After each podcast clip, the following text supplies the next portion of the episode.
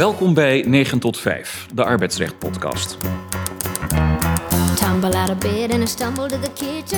Het is vandaag alweer eh, nummer 46 van onze mooie podcast. eh, Els de Wind en eh, Michiel de Jager van Els de Wind Advocatuur en Korp Advocaten. Daar zitten wij vandaag ook. Ehm, en we gaan het vandaag hebben over, nou toch wel misschien een van de meest complexe onderwerpen in het arbeidsrecht. En dan een combinatie van. Ehm, dus dat wijkt wat af van eh, de gebruikelijke podcastthema's, denk ik. Ehm, en dat gaat dan in feite over niet alleen, alleen overgang van onderneming, maar ook de overgang van incorporatiebedingen die verwijzen naar cao's. Dus dan heb je aardig wat te pakken. Als de helft van de lu- luisteraars nu afhaakt, dan begrijpen wij dat. Eh, Michiel, er ligt een conclusie van AG Hartlief. Die heeft, een, eh, die heeft er werk van gemaakt, kunnen we wel zeggen. Eh, in een zaak kun jij even, want naar die zaak gaan we zo. Misschien eerst maar even ter introductie. eh, wat is er complex aan? Waar gaat het eigenlijk over? Ja, over de zaak of over de overgang van onderneming? Ja, doe maar even, wat, doe maar even overgang eerst. Dan weet, en, cao's, dan, eh, dan hebben we dat vast een beetje getackeld. nou ja, ehm, oké, de overgang van onderneming bepaalt heel kort gezegd dat eh, als je een onderneming of een deel van een onderneming overdraagt van de vervreemder naar een verkrijger, de rechten en verplichtingen uit hoofde van de arbeidsovereenkomsten die bestaan op het moment van de overgang, mee overgaan naar de verkrijger. Nou, ehm, rechten en verplichtingen uit hoofde van de arbeidsovereenkomst, die kun je dus terugvinden in je eigen document, hè, je eigen arbeidsovereenkomst die je hebt getekend. Maar die kun je bijvoorbeeld ook terugvinden in collectieve arbeidsovereenkomsten. En ja, daar geldt weer net een nuance. Eh, die collectieve arbeidsvoorwaarden die gaan over. Nou ja, eigenlijk totdat ze aflopen. Totdat er een nieuwe wordt gesloten. Of totdat de verkrijger zijn eigen CO toepast. Ja, op dat laatste punt gaan we nog even Ja. in, want dat staat weer niet in onze wet, maar dat zou zo mooi zijn. Nou geef ik eigenlijk al wat weg. Eh, maar dat, eh, dat, ja, dat is een probleem waar we tegenaan lopen. Eh, dus cao's en arbeidsovereenkomsten gaan, gaan mee. Ja. Eh, nou, zeg je, je moet eraan gebonden zijn. Nou is nog geen 20% gebonden in Nederland, de Nederlandse werknemers, eh, aan cao's. Eh, en dan komt het incorporatiebeding in beeld. Els, hoe zit dat? eh? Ja, het incorporatiebeding. Eh, nou, het woord zegt het al. Dan zie je in arbeidsovereenkomsten, individuele arbeidsovereenkomsten, een eh, zogenaamd incorporatiebeding. En daarmee zeggen werkgever en werknemer, in deze arbeidsovereenkomst nemen wij op. En dan verwijzen ze naar een CAO. In dit geval hou ik het even bij een CAO, want je kan natuurlijk van alles incorporeren. En dat kan dan de CAO zijn die daar van toepassing is, of het kan eh, überhaupt ook een hele andere CAO zijn. Ehm, en dan onderscheiden we inmiddels twee soorten incorporatiebedingen. Eentje, eh, gewoon een heel simpel voorbeeld, dan staat er... eh, onderdeel van deze arbeidsovereenkomst maakt uit de CAO, et cetera, naam van de CAO. Ehm, punt. Dan gaan we ervan uit dat bedoeld wordt dat de CAO die dan geldt... Hè, of soms staat er ook die nu geldt... dan weet je dat die CAO, de regels van die CAO... of bepaalde regels, als je daarnaar verwijst... onderdeel uitmaken van die CAO. Dat noemen we dan een statisch eh, incorporatiebeding. Maar dan hebben we ook het dynamische incorporatiebeding. En dan staat er in zo'n beding, in die arbeidsovereenkomst... ehm, onderdeel van deze arbeidsovereenkomst maakt uit de CAO, zeg maar wat eh, textiel, of, hè, ehm, zoals die van tijd tot tijd luidt. Dat zie je heel vaak. Wat betekent dat dan? Nou, dat betekent, hè, dat is dan inmiddels wel uitgelegd, dat betekent dat die CAO die dan geldt, die textiel CAO, onderdeel uitmaakt van de individuele arbeidsovereenkomst, maar ook de volg, opvolgende CAO's, textiel CAO's.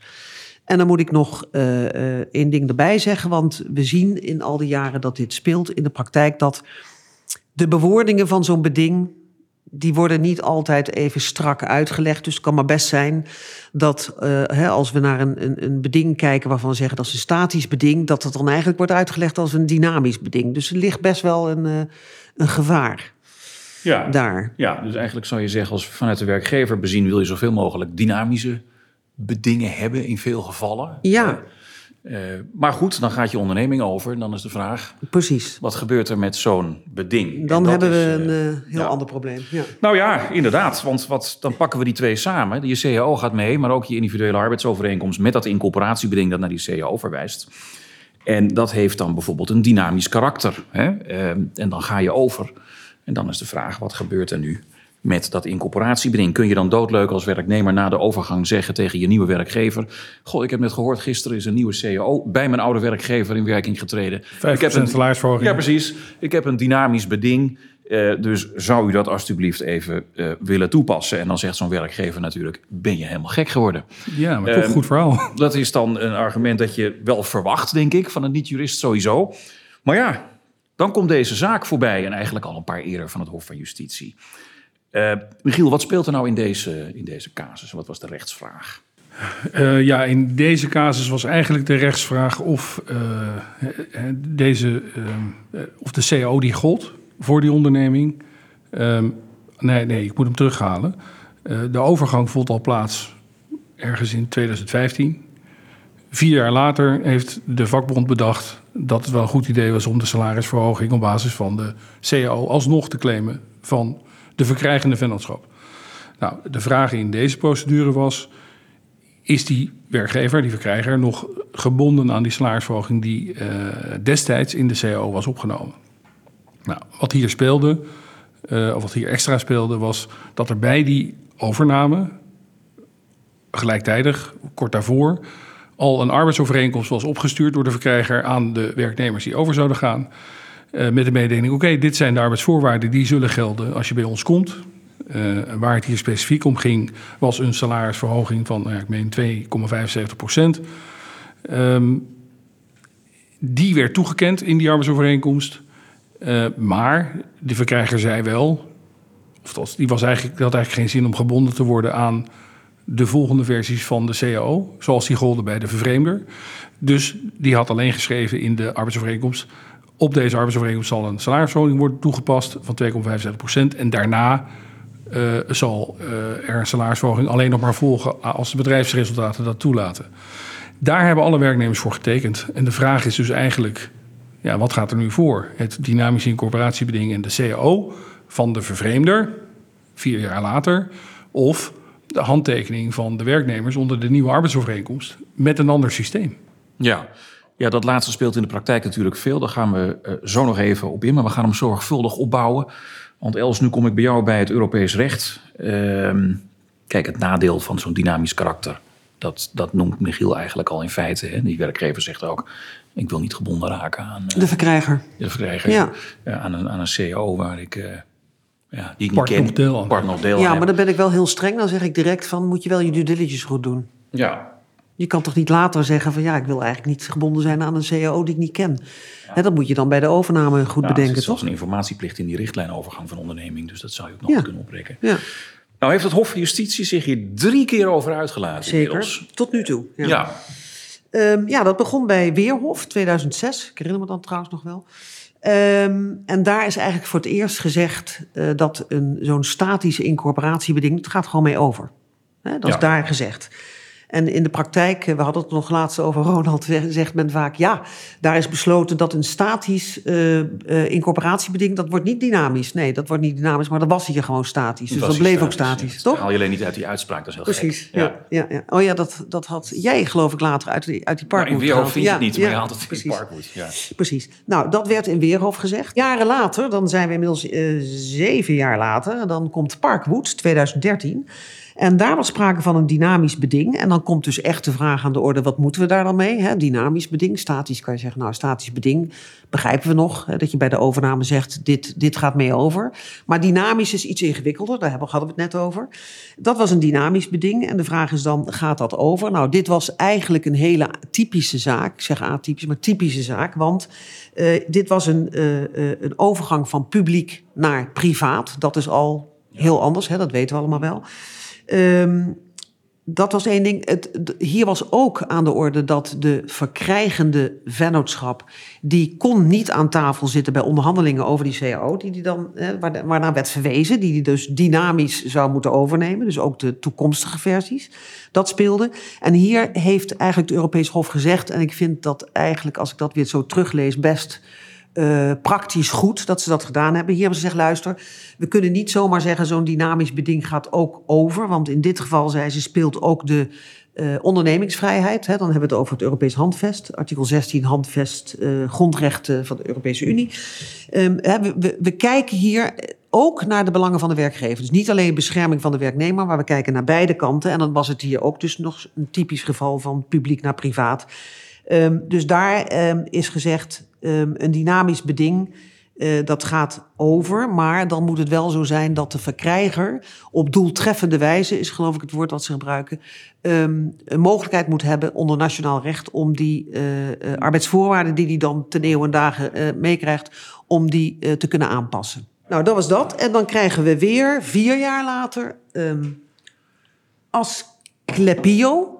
Zeg je dat? Asclepios. Asclepios. De meeste mensen zeggen Asclepios. Ehm, dat was dan weer een ander verhaal. En daar is gezegd... ehm, ja, volgens mij is daar pas gezegd dat je die reële mogelijkheid moet hebben Ja. om je arbeidsvoorwaarden Ja. aan te passen. Dus zo Dynamisch is beding wat overging. dynamisch beding, dat gaat in principe over. Maar je moet dus wel, hè, anders dan in Parkwood, daar werden bepaalde nuances aangelegd.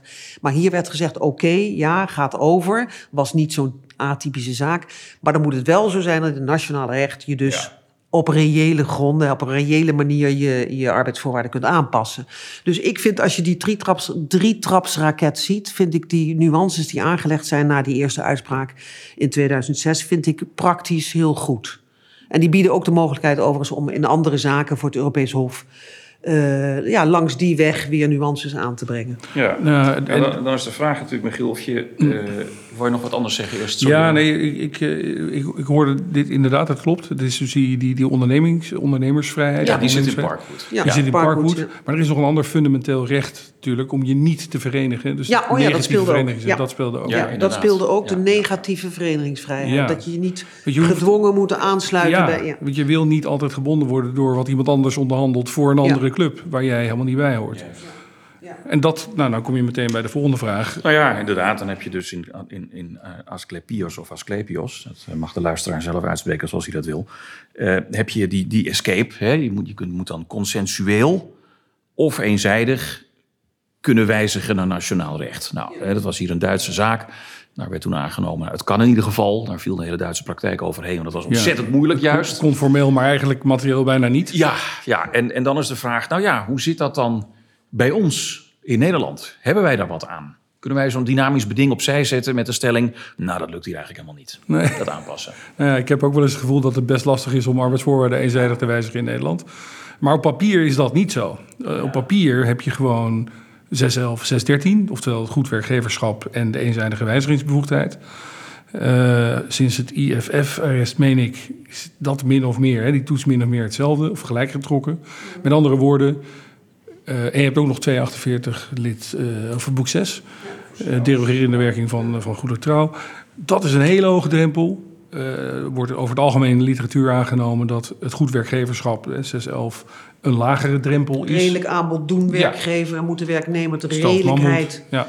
accepteren. Ja. Ja, dus met andere woorden, ja, je kunt hier in Nederland eenzijdig arbeidsvoorwaarden aanpassen. En consensueel kan het eigenlijk overal. Maar wat is dan bedoeld? Hè? Want ik vind het toch wel iets om bij stil te staan. Hmm. Op doeltreffende wijze. Want je kan zeggen, je kijkt naar hè, de wet en, en, en, en de jurisprudentie. Maar in de praktijk is het best wel ingewikkeld. Hè? Zeggen we nou gewoon, als je het kunt, als de mogelijkheid er is, zoals jij zegt, Michiel, dan voldoe je daaraan? Of Eh, ik denk hè? wel dat je, dat je ja, die moet die Duitsland zegt, ja, het staat op papier, maar het is hartstikke moeilijk. Nou, bij ons is het ook niet makkelijk. Ik denk dat het meer moet zijn dan een theoretische eh, mogelijkheid alleen. Eh, ik zou dat wat, wat oneerlijk vinden. Ik denk dat het ook in de praktijk mogelijk moet zijn. En ik denk dat het in Nederland ook wel laat zien dat het mogelijk is. Ja, ik vind rechters af en toe nog wel wat erg voorzichtig op dit punt. Eh, die vinden al snel dat, ja oké, we hebben 611 en 613... maar er is een overgang van onderneming en dan gaan de alarmbellen af... en dan mag er ineens minder. Terwijl je bij collectieve wijzigingen, en daar wijst de AG ook Ja. op... juist meer mag de laatste jaren het Ja. Hof. Els noemt net Parkwood. En als je naar een andere sector gaat, hier was het dan privaat-publiek, publiek-privaat... maar het Hof noemt de sector... Hm. Ja, dan, dan moet de ondernemer kunnen aanpassen, hè, redelijkerwijs, op, het binnen de, op de arbeidsvoorwaarden. Ja, dat- sector. Want dat is ook nog wel een mooie die jij dat noemt. biedt een opening. is ook wel een mooie die je noemt, Ronald. Want eh, zit daar een escape hè, in Parkwood? Ja. Kan je dan makkelijker zeggen als je van sector naar sector gaat... dat dat dus een uitweg is? Hè? Dat is nog wel. niet genuanceerd. Nou ja, ik denk, in de ik denk dat ik het ook. En, en wat jij zei, hè, dus de, de, de, in de jaren tachtig was het nog heel erg nou ja, behoudend. Eh, was het eigenlijk behoud van rechten, bescherming van rechten van werknemers. Dat stond eigenlijk voorop. Maar eh, ja, gaandeweg zie je toch, ook in de Europe- eh, Europese jurisprudentie, zie je meer de belangen van de, van de, van de verkrijger, van de verkrijgende onderneming. Klopt, ja. Dat die ook een rol gaan spelen. Dus er wordt nu meer balans gezocht. Ja. Nou, AG, Wat goed is. ja, ja, zeker. De AG die heeft het dan ook over. Ja, die, die, die richtlijn is niet uitgewerkt.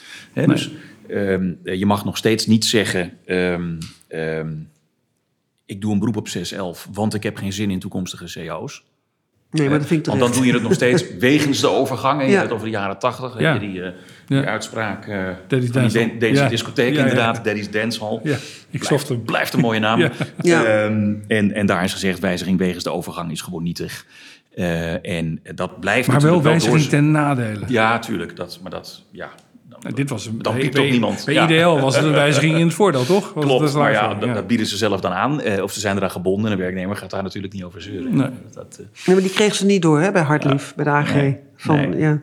Nee, dus, eh, dus ja, AG zegt als het echt gaat knellen, dan, dan, dan mag je het aanpassen. Maar je mag niet wegens die overgang wijzigen. En dus die stelling, eh, eh, ja, Els, we willen niet aan een onbekende CEO. Nee, die vind ik ook onte. Ik bedoel, prima dat dat niet wordt. eh, Maar, maar, wat is nou, eh, maar wat is wegens de overgang? Hè? Want hier was het ook in tijd. Dus de temporele, eh, het temporele verschil tussen de OVO en de wijziging was eh, vrij klein, vrij beperkt. Er is een andere uitspraak uit mijn hoofd. Ik weet even de naam niet meer, maar daar was het maar 18 dagen bijvoorbeeld. Ja, Ging, was in een ontslagzaak overigens. nou Maar ja, Martin SBU was ook vrij snel. Hè. Je, je bent af van je breed. wanneer is het nou wegens of wanneer is het nou een etho-reden? hè? Ja, dat eh, wordt verder niet uitgelegd. Dus dat, eh, kijk, eh, hier wordt wel gezegd op het moment dat jij zegt... ik wil niet aan toekomstige CEO's gebonden zijn... ja, dan is het hele nuttige effect weg van die Asclepios-uitspraak. Ja, maar er is hier nog een ander belangrijk effect. In deze verschil in deze uitspraak was het zo dat die eh, eh, IDL viel niet onder de werkingssfeer. De activiteit viel niet onder de werkingssfeer van de CEO. En IDL was geen lid van een werkgeversorganisatie, dus een ongebonden werkgever. En had ook nog eens een keertje, ja, deed dus wel toevallig iets met transport, maar viel niet onder, dat, eh, onder die, die, die CAO. Logistiek en transport. ja, En als je dan zegt, en en ik ben wel benieuwd wat jij daarvan vindt of wat jullie daarvan vinden. Als je dan zegt, ik wil niet gebonden zijn aan zo'n nou ja, dynamische incorporatiebeding. Zo'n CAO die eigenlijk al helemaal niet voor mij hoort te gelden. Ik vind dat dat een, eigenlijk een lichtere toets zou moeten zijn dan het aanpassen van primaire arbeidsvoorwaarden. Dus kun je eerder van zo'n dynamische incorporatiebeding af dan bijvoorbeeld van een salarisschaal of een loonsverhoging. Nou ja, een, een, dynamisch incorporatiebeding heeft geen inhoud. En kan je dus niet primair of, je kan wel buiten secundair of tertiair eh, noemen. Want het hangt er helemaal Ja. vanaf waar het naar verwijst. Hè. Het, is, het is neutraal wat dat betreft. Ehm, ja, waarom is dat hier dan niet? Waarom lukt dat dan hier wel of niet? Of in, in een voorliggende zaak? Ehm, ook hoe de werkgever zich opstelt. Hier was het ook gewoon, alsjeblieft. Hier is de. Ja, ja, je knikt Ja, ja, ja, ja. Ja, want Hier- gaat het hier om. is het tekenen en niet meer zeuren. Weet je wat? Dat is wat anders dan. Nou, we gaan het dus rustig afbouwen. Hè? Je houdt het natuurlijk het eerste jaar, het eerste twee jaar. Daarna gaat het knellen. Afkoop, afkoop van bepaalde Sluiten we aan bij ja. Hartlief, weet je wel. Die, die zegt als het gaat knellen, dan komt er weer komt parallel entry binnen. De uitspraak van de Hoge Raad. Je mag wijzigen na verloop van tijd als het onaanvaardbaar wordt om die verschillen in stand te houden. Dat is meestal niet na 18 dagen. Maar als jij Nee, een zak geld er nee. tegenover stelt en een handtekening van een werknemer hebt die volledig geïnformeerd is, Want er is dan contractvrijheid. zit je beter. En Ja. het toverwoord is geïnformeerd. Hè? Want, want Ja, we, hadden het er al ja. over met z'n drieën. We, En- we- en- in de praktijk doen we het allemaal. Hè? We adviseren die verkrijger die Ja. zegt... kan ik er niet wat mee? Kan ik niet een overeenkomst sluiten met die werknemers? Hè? En, dan, en dan zal ik ze goed informeren. En dan zeggen wij natuurlijk als, als adviseurs... eh, nou ja, dan moet je ze goed informeren. Moet precies zeggen waar het om gaat. Zeggen dat ze kunnen weigeren. eh Gooi er eh, advocatenkosten tegenaan dat ze hè, wel geïnformeerd zijn. En dan nog moet je oppassen, want eigenlijk mogen ze geen afstand doen van hun rechten. Eh, maar we doen het, we proberen het allemaal, Nou we doen het. En als niemand piept, dan heb je het Nee, dan maar door, in toch? deze, in deze conclusie, in die IDL-kwestie, daar, ja, daar wordt toch gezegd dat die mensen wel afstand konden doen. Ja, ja, ja, precies, precies. Ja. Nou ja, het kan ook. Het Maar kan. hoe goed waren ze nou werkelijk geïnformeerd? Ze kregen ja, gewoon, dit is is de arbeidsovereenkomst. Ja, maar dat is het. Dit het is een de risico. Het is- blijft een risico. Het kwam op mij, toen, ik dit, toen ik dit las, kwam het op mij over. Ik herkende het wel een beetje uit de praktijk. Hè, van zo gaan we het doen. Heel pragmatisch. Jij krijgt hier je nieuwe overeenkomst. Maar eigenlijk zonder, zonder de finesse, zonder na te denken over. Kan dat eigenlijk wel wat we aan het doen zijn? Dat is achteraf pas ingevuld, omdat FNV pas na vier jaar kwam met die claim van: hey, by the way. Dynamische incorporatieding, u moet die CAO toepassen. En er was een opname toch ook die in de, in de AG Ja, heeft... Er, er wordt naar van alles verwezen wat Ja. er mis is gegaan, inderdaad. Maar als je het nu even kort juridisch bekijkt, naar Martin SBU, hè, dat was het begin van dit millennium. Toen werd gedacht, als je maar die handtekening van die werknemer hebt, dan zit je goed. Maar je moet wel, af, je moet wel afkopen als hij zeurt. Nou dan doe je een piepsysteem of niet. Ja, Als dus doet. Denzel was gewoon nietig, handtekening of niet. niet. Dat is jaren, de strenge jaren 80. Nou, toen werd het inderdaad vanaf 2000 wat, wat werkgeversvriendelijker. En dan zie je, nou, handtekening is gezet. Maar dan moet je die werknemer wel in de positie brengen. Hè, alsof, Alsof. alsof. het wel was eh, overgegaan. Ehm, en ehm, daarna zie je in ieder geval in de Nederlandse rechtspraak... dus niet zozeer bij het Hof... die informatieverplichting, hè, Bos Pax... Hè, eh, die toch een beetje, die meneer Bos toch een beetje op het verkeerde been is gezet. Net als in die Rabobank Allard van Kuikzaak. Die Zeer mevrouw- op verkeerde been die, gezet. die in de zomer twee weken had om, om, om te reageren in- de zomervakantie. En wij gaan er wel vanuit dat hij juridisch met voorgelicht. Eh, niet helemaal netjes, vond de Hoge Raad. Ehm, en dan zie je ook steeds meer dat die informatieverplichting zwaarder wordt. Dus my two cents. Wat hier mis is gegaan, is die informatieverplichting. Dus de gunfactor was er al niet meer voor deze werkgever. En als je tegen een werknemer zegt, ja, je mag houden wat je had. Maar ja, dan, zij krijgen dit, jullie krijgen dit pakket. Het is aan jullie wat je liever wil. Je mag het oude houden, maar je mag ook tekenen voor het nieuwe. Dan, dan zit je volgens mij goed. En zeker als daar dan nog bonden zeggen van, nou, dat hebben we nagerekend en het klopt. En zeker als je niet met ontslag wordt bedreigd Nee, of zo. precies. Maar zo gaat het natuurlijk niet in de praktijk. Dat, zegt, dat zeggen jullie ook terecht. Je gaat een powerpointje maken voor de werkgever voor wie je optreedt. En dan laat je bepaalde bullet points wel degelijk even weg. Hè? En je benadrukt anderen. Ja. Nooit expres. Nee, nee, Nee, zeg, nooit. zeg, Nooit. zeg niet dat er een stel oplichters aan tafel zitten, inclusief mijzelf. maar ja, kijk, ehm, ehm, er is een verschil tussen zwijgen en liegen natuurlijk. Hè? Dus, eh, ja, nou ja, goed, je weet wat ik bedoel. Dat gaat natuurlijk in de praktijk vaak niet helemaal ehm 100% in faveur van werknemers. Laat ik het dan zo proberen op te, zeggen, op te, eh, te, te zeggen. Ehm, Nee, maar hier kreeg toch de vakbond uiteindelijk nul protest. Dus dat is eigenlijk wel, ja, dit is best interessant. Dit is natuurlijk nog maar de conclusie. We moeten Mhm. zien wat de Hoge Raad hiervan. Het is wel ongelooflijk uitvoerig gedaan. Heel, 40 heel knap. pagina's. Ja, maar heel, heel knap. en de heel- helft noten.